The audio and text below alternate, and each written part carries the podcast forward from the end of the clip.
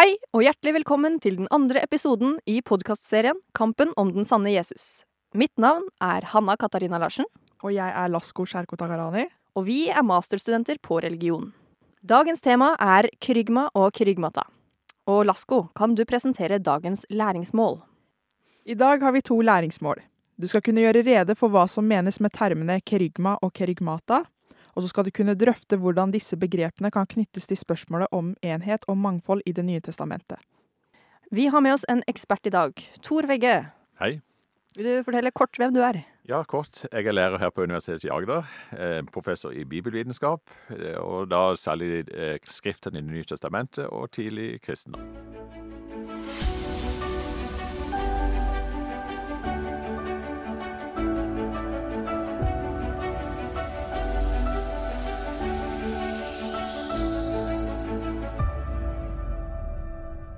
Ja, Tor.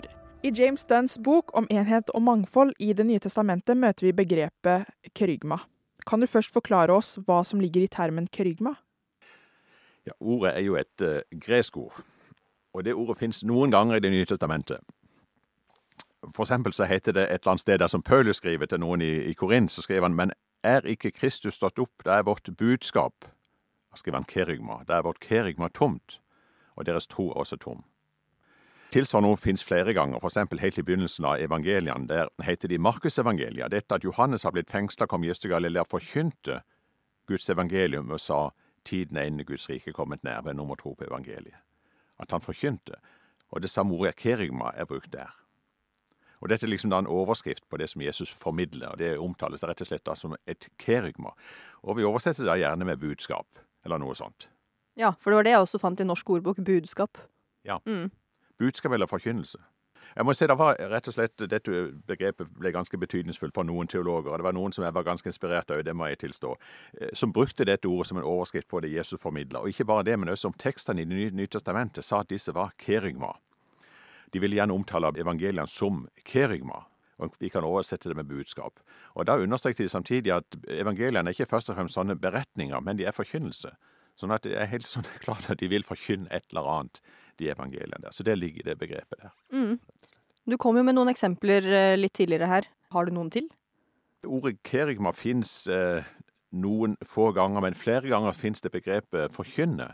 Og det brukes i, både i evangeliene og det Jesus har gjort. Det brukes i apostlenes gjerninger om de første apostlene, hva de forkynte, og Paulus bruker det om eh, det han forkynner.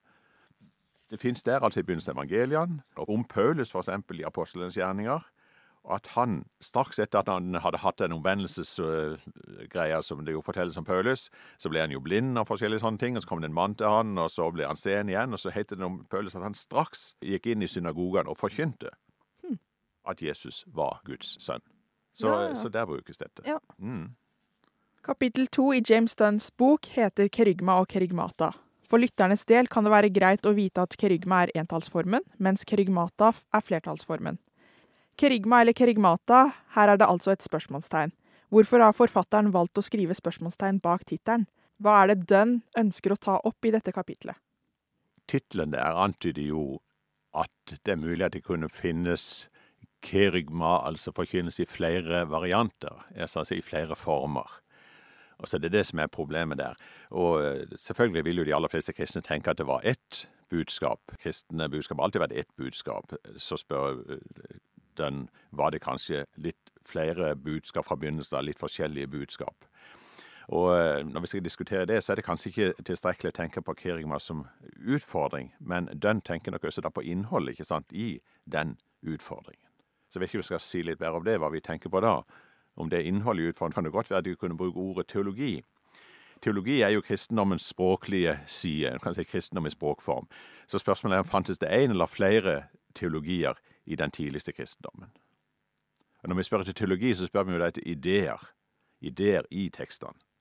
Eh, Ideer sånn som gudsbilde, eh, virkelighetsbilde. Og i, i vårt kurs vi skal ha nå, så er vi særlig opptatt av bilder av Jesus. Jesusbilder, eller Kristusforestillinger.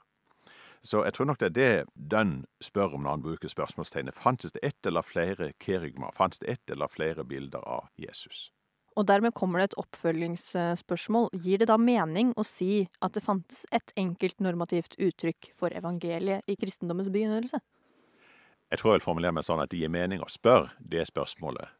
For min del så vil jeg nok si at jeg syns det er vanskelig å peke på at det fantes ett. Jeg syns det gir mer mening å se at det fantes et mangfold.